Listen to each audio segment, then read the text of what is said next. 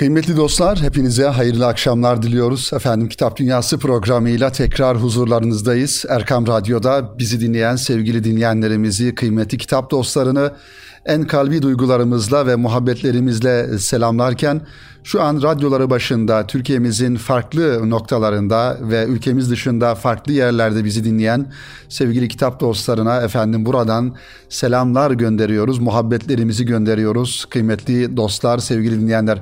Efendim yeni kitaplarımız ve yeni konularımızla tekrar huzurlarınızda olmanın mutluluğunu yaşarken bir taraftan da Kitap Dünyası programında şimdiye kadar yayınlamış olduğumuz programlarımızı yavaş yavaş YouTube e, sitemizden, kanalımızdan da siz dostlarımızla buluştur, buluşturmaya devam ediyoruz. Ve bu konuda da gerçekten geri dönüşler çok memnuniyet verici geri dönüşler alıyoruz. Bu vesileyle e, YouTube kanalımızda da e, efendim Salih Zeki Meriç YouTube kanalında da programlarımızı dinleyen sevgili dinleyenlerimizi efendim onlara da teşekkür ediyoruz. E, bu duyuruyu da yapmış olalım. Programlarımız tabii ki Erkam Radyo'nun internet sitesinde arşivde bulunmakla beraber oradaki siteden girerek dinle, dinleme imkanı olmakla beraber biraz daha ulaşılması kolay olan bir platforma yani YouTube e, kanalına taşımış olduk. Şimdi yavaş yavaş o programlarımızı e, oraya efendim yüklemeye çalışıyoruz, devam ediyoruz. Orada da konularına göre ve her e, programımızın bir konusu olarak bunu başlığa yazmış oluyoruz. YouTube kanalını açtığınızda göreceksiniz. Gerçekten istifade edilebileceğini düşündüğümüz programlar sizi bekliyor YouTube kanalımızda sevgili dinleyenlerimiz, kıymetli dostlarımız. Efendim bugün önümde güzel kitaplar var. Ee, birbirinden güzel kitaplar var, dergiler var, dergilerin kitap sayfaları var. Onlardan da istifade edeceğiz. Oradaki değerlendirme yazılarını okuyarak efendim onlardan da istifade ederek sizlere takdim etmeye çalışacağız sevgili dinleyenlerimiz. Okur dergisi var. Okur dergisinden istifade edeceğiz. Kitap dergisi malum olduğu üzere ve Mehmet Emin Karabacak Beyefendinin Ensar yayınlarından çıkan birkaç kitabını sizlere inşallah e, tanıtmaya çalışacağız. Ve bütün bunlardan ee, önce kıymetli dinleyenlerimiz güzel bir kitabı sizlere takdim ederek programımıza başlayalım.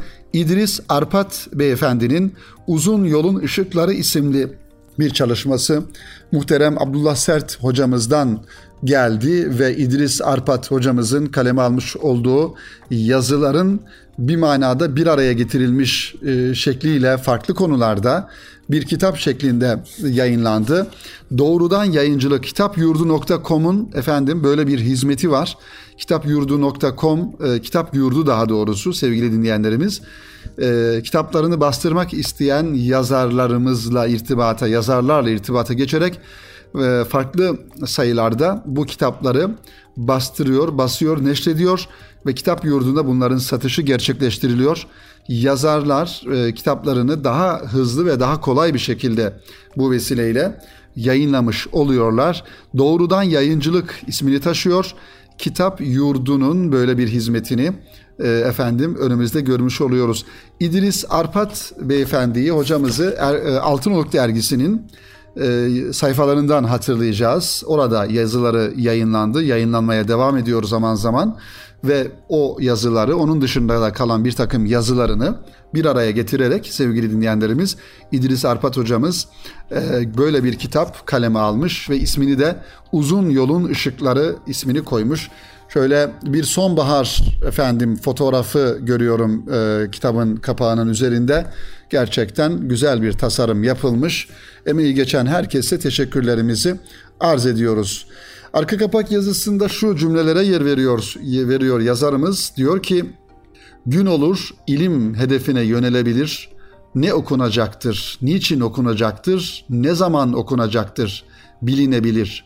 İlim sayesinde yaratılışın ve yaşayışın sırrına erişilebilir. Dünyamız kendi sınırlarını aşıp metafizik meydanlarla genişleyebilir. Beyin bilginin, gönül huzurun kaynağına doğru bir yol tutabilir.'' Kalemimize bereket, hükmümüze isabet, sözümüze tesir gelebilir. İlim hakkın hizmetine girebilir.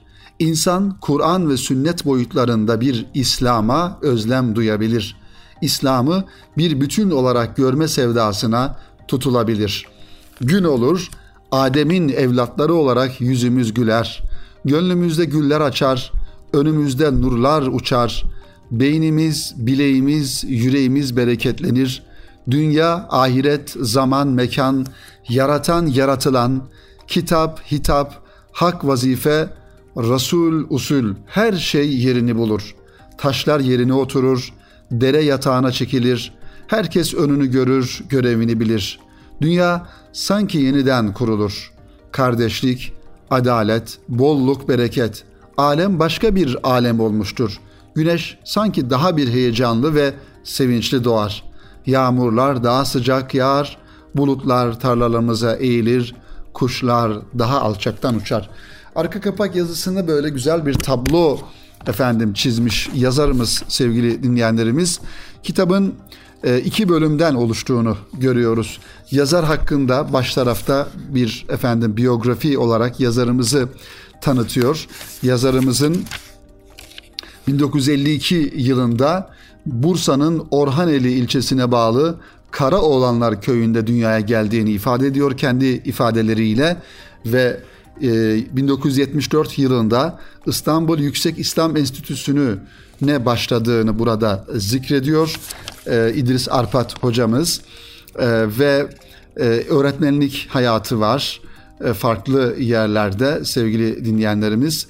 E, bu şekilde e, evet 2017 yılında emekli olduğunu e, ifade ediyor ve emeklilik için söyleyebileceğim ise diyor biz koşu bittikten sonra da koşan atlarız Sezai Karakoç merhumun sözünü buraya alıyor sevgili dinleyenlerimiz.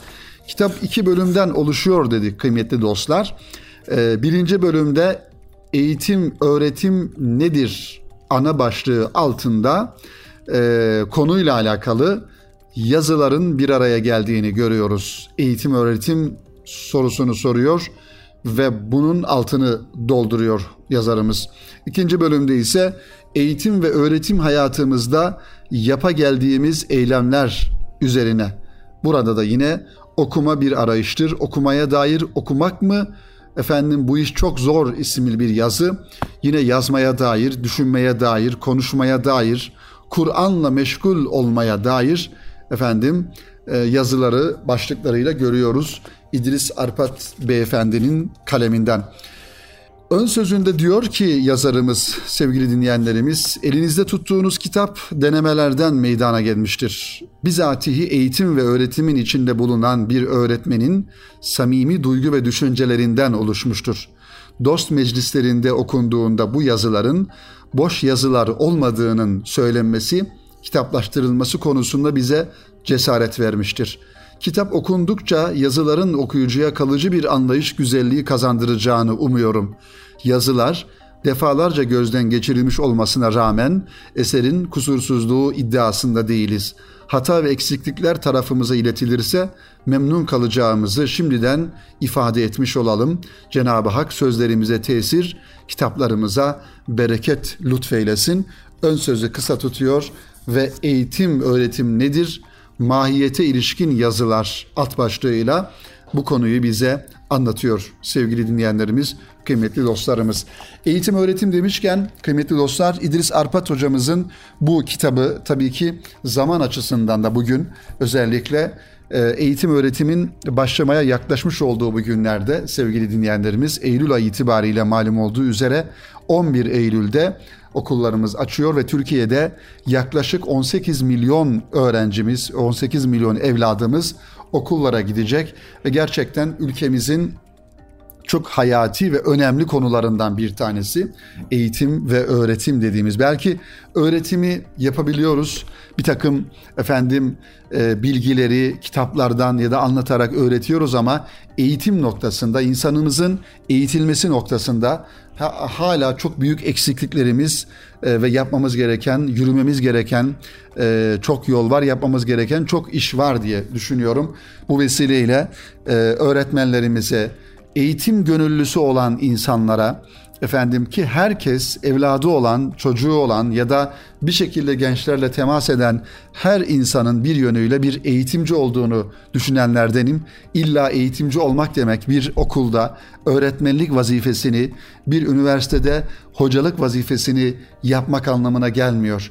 Eğitimci olmak, yolda yürürken, bakkaldan alışveriş yaparken, fırından ekmek alırken, efendim kaldırımda yürürken, trafikte araba kullanırken dahi insan bunları doğru yaparak başkalarına öğretebilir. Bu konuda güzel örnek olabilir. İşte eğitimciliği biz hayatımızın her noktasında ve her noktadaki insanın yapabileceği bir faaliyet olarak görürsek biz o zaman etrafımızdaki insanlara en güzel şekilde örnek olduğumuz takdirde bu görevimizi yerine getirmiş oluruz. Kıymetli dinleyenlerimiz, sevgili dostlarımız bugün bir anne baba olarak evdeki, evdeki çocuklarımızı, ailemizi, aile fertlerimizi, mahallemizde bizi tanıyan insanları, apartmanımızdaki komşularımızı da güzel örnek olarak onlara güzel örneklikler, davranışlar ortaya koyarak geçimli bir insan olarak, efendim yardımsever bir insan olarak, fedakar bir insan olarak, anlayışlı bir insan olarak biz insanlara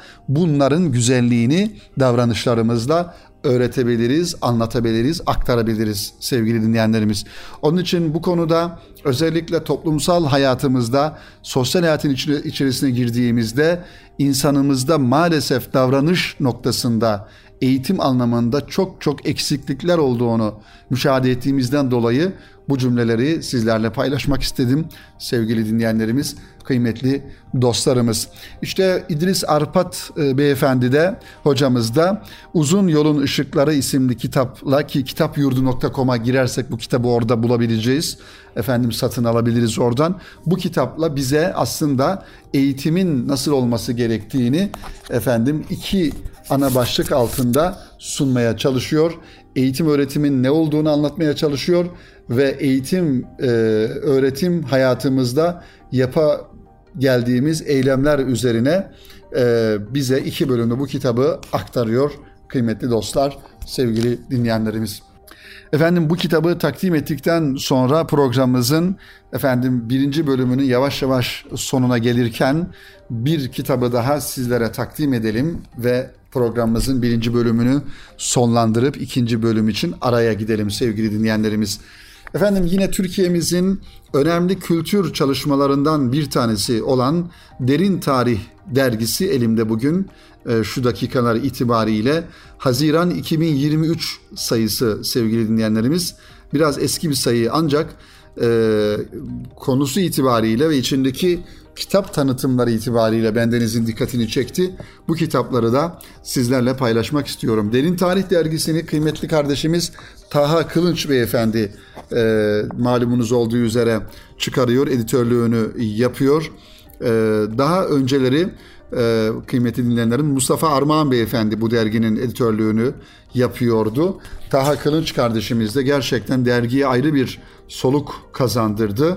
Ee, Yeni Şafak yayınları daha doğrusu Yeni Şafak gazetesi Albayrak grubu e, çatısı altında çıkan bir dergi, Derin Tarih dergisi.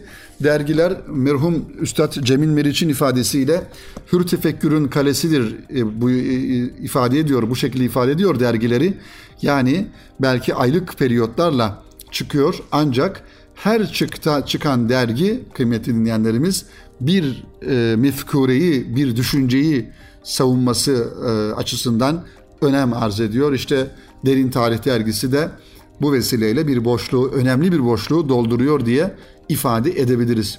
Burada Ayın Kitabı bölümü var sevgili dinleyenlerimiz. Derin Tarih e, dergisinin kitap bölümünde tanıtılmış birkaç kitaplar var. E, efendim kritik yazıları var. Onları da takdim edeceğiz. Ancak onlardan önce e, şöyle vitrine konulan bazı kitapları size burada e, duyurmak istiyorum. İslam medeniyetinin Çin kültürü üzerine etkileri isimli bir kitap. Türkiye Diyanet Vakfı yayınlarından Aziz Musa Parlak Yiğit Beyefendinin kaleminden efendim neşredilmiş Diyanet Vakfı yayınlarından İslam medeniyetinin Çin kültürü üzerine etkileri ki bugün Çin devleti, Çin toplumu dünyada hem sayı olarak e, çok fazla hem de ticari olarak büyük bir yer efendim e, e dolduruyor. E, Çin devleti, Çin Cumhuriyeti. O yüzden e, İslamiyet'in o bölgelere de, o coğrafyalara da gittiğini e, düşünürsek, İslam'ın Çin kültürü üzerine etkileriyle alakalı özel bir çalışmayı Aziz Musa Parlak Yiğit beyefendi kaleme almış. Yine e, dergah yayınlarından çıkan güzel bir eser sevgili dinleyenlerimiz Din ve Milliyet hazırlayan İsmail Kara ve Abdülkerim Asılsoy 742 sayfadan oluşan bir çalışma. Dergah yayınlarının kitaplarını özellikle tavsiye ediyorum ben. Bütün kitaplarını sevgili dinleyenlerimiz geçmişten günümüze dergah yayınları çizgisini koruyan ve gerçekten insanımızın düşünce dünyasını besleyen çok önemli kitaplar neşretti. Yine bir başka çalışma Selahaddin Kudüs Krallığı'nın düşüşü e, efendim Kutatku yayınlarından çıkmış. Stanley Lane Paul imzasını taşıyor. Selahaddin isimli Selahaddin Eyyubi'yi efendim kastederek Kudüs Krallığı'nın düşüşü biliyorsunuz Kudüs Fatihi Selahaddin Eyyubi bu kitapta da bu anlatılıyor kıymetli dinleyenlerimiz. Evet sevgili dostlar bir diğer kitap e, biraz daha e, detaylı bilgi verelim.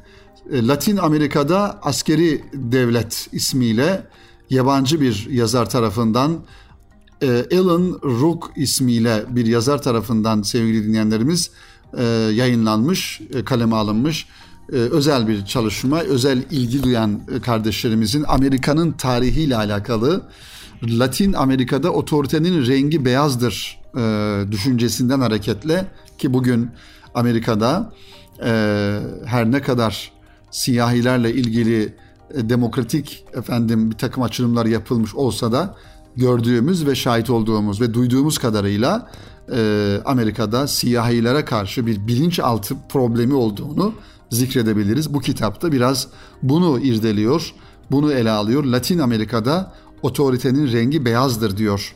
Latin Amerika'da askeri devlet ismiyle bir çalışma.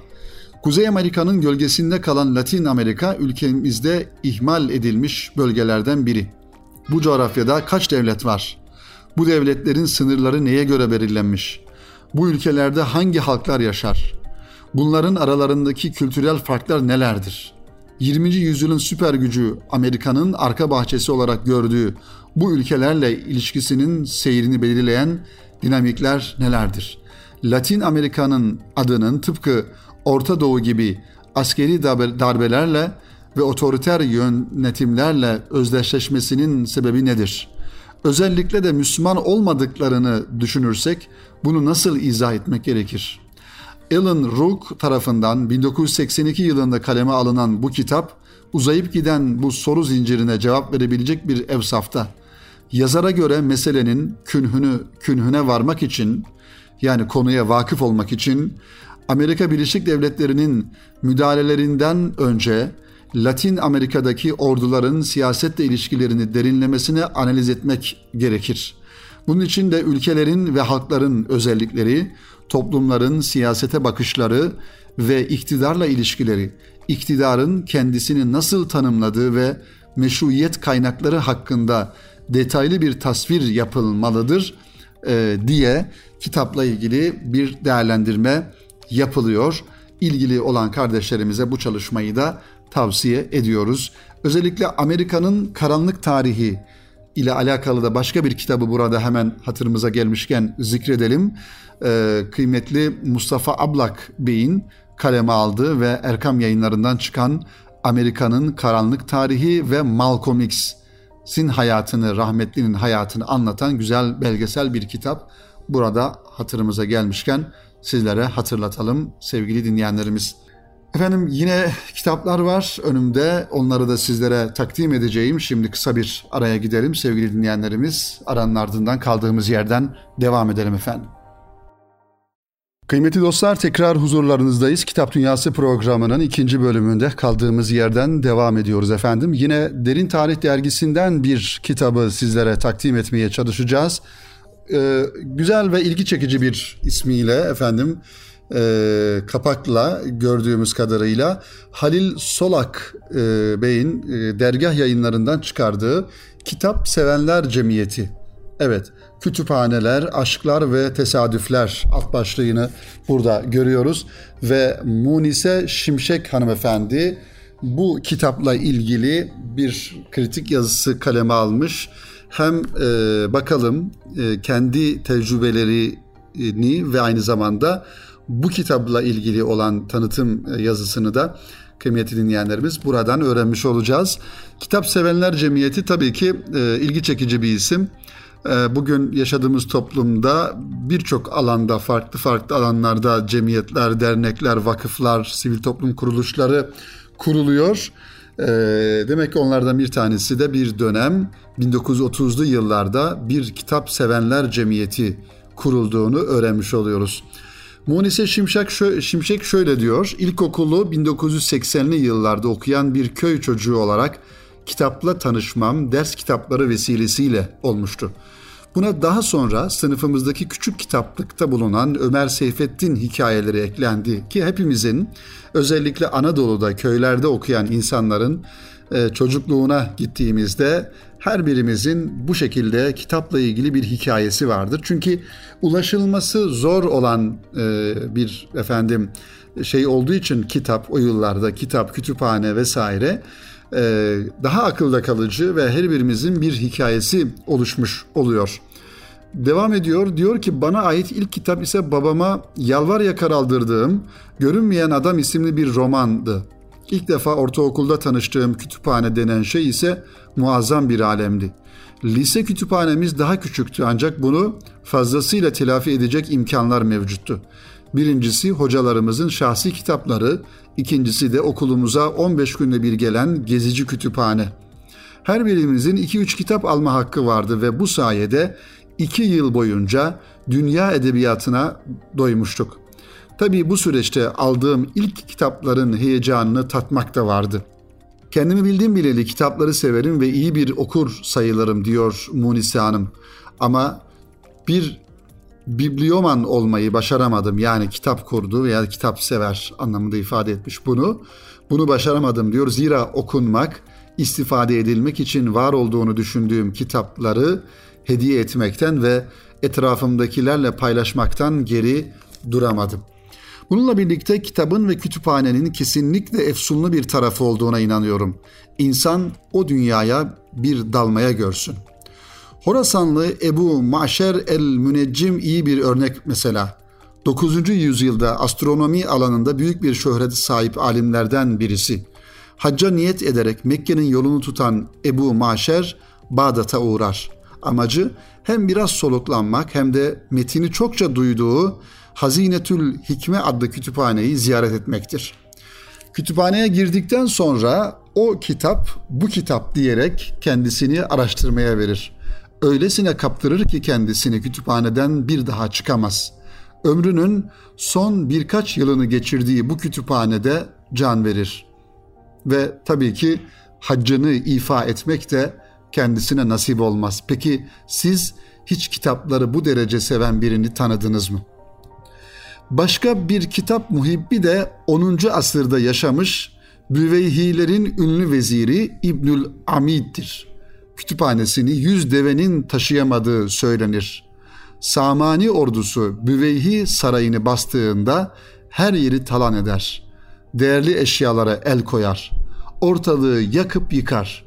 Veri, vezir olarak İbnül Amid'in sarayı da yağmalanır ancak askerler kitaplara dokunmaz.'' Rivayet odur ki Büveyhi veziri kütüphanesine dokunulmadığını görünce sarayına pek de üzülmez ve gidenlerin yerini doldurmak mümkündür. Kitaplarımın yerini ise tutacak bir şey yoktur der. Evet devam ediyor Munise Şimşek. Doğduğum evde bir kütüphane yoktu belki ama şimdi etrafımda kitapları seven hatta biblioman denilecek düzeyde seven hocalarım, büyüklerim ve arkadaşlarım mevcut. Halil Solak da onlardan biri. Ki az önce e, Kitap Sevenler Cemiyeti isimli kitabın yazarı, dergah yayınlarından çıkan bu kitabın yazarı Halil Solak.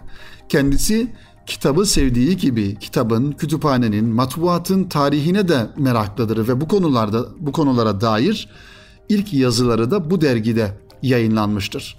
Çok şükür uzun bir süredir kaleme aldığı ve farklı mecralarda yayınladığı bu yazılar gözden geçirilmiş bir şekilde iki kapak arasında toplandı. Kitap Sevenler Cemiyeti adıyla dergah yayınları etiketiyle okuma fırsatı bulduğumuz kitap hem işlediği konular hem de üslubuyla sizi sıkıca sarıp sarmalıyor.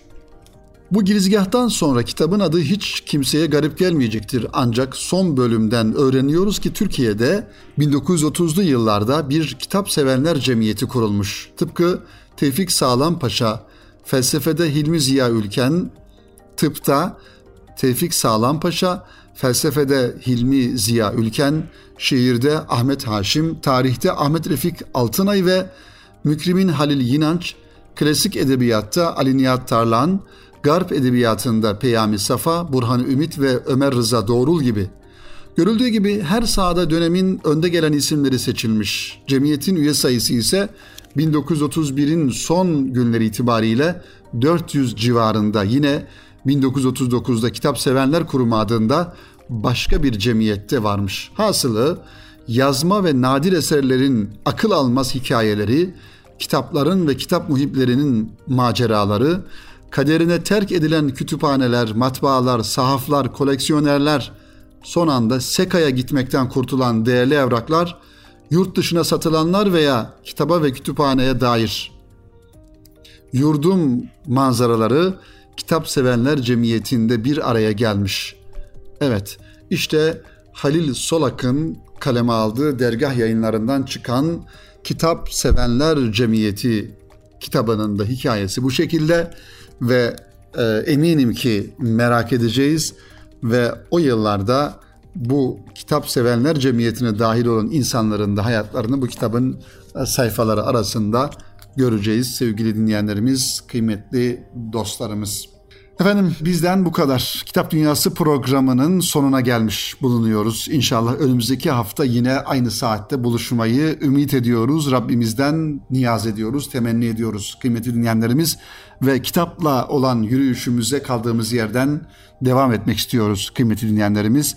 Hepinizi Rabbimize emanet ederken kitapla yürüyen ve kitapla yaşayan bir hayatınızın olması duasıyla hoşçakalınız, hayırla kalınız efendim.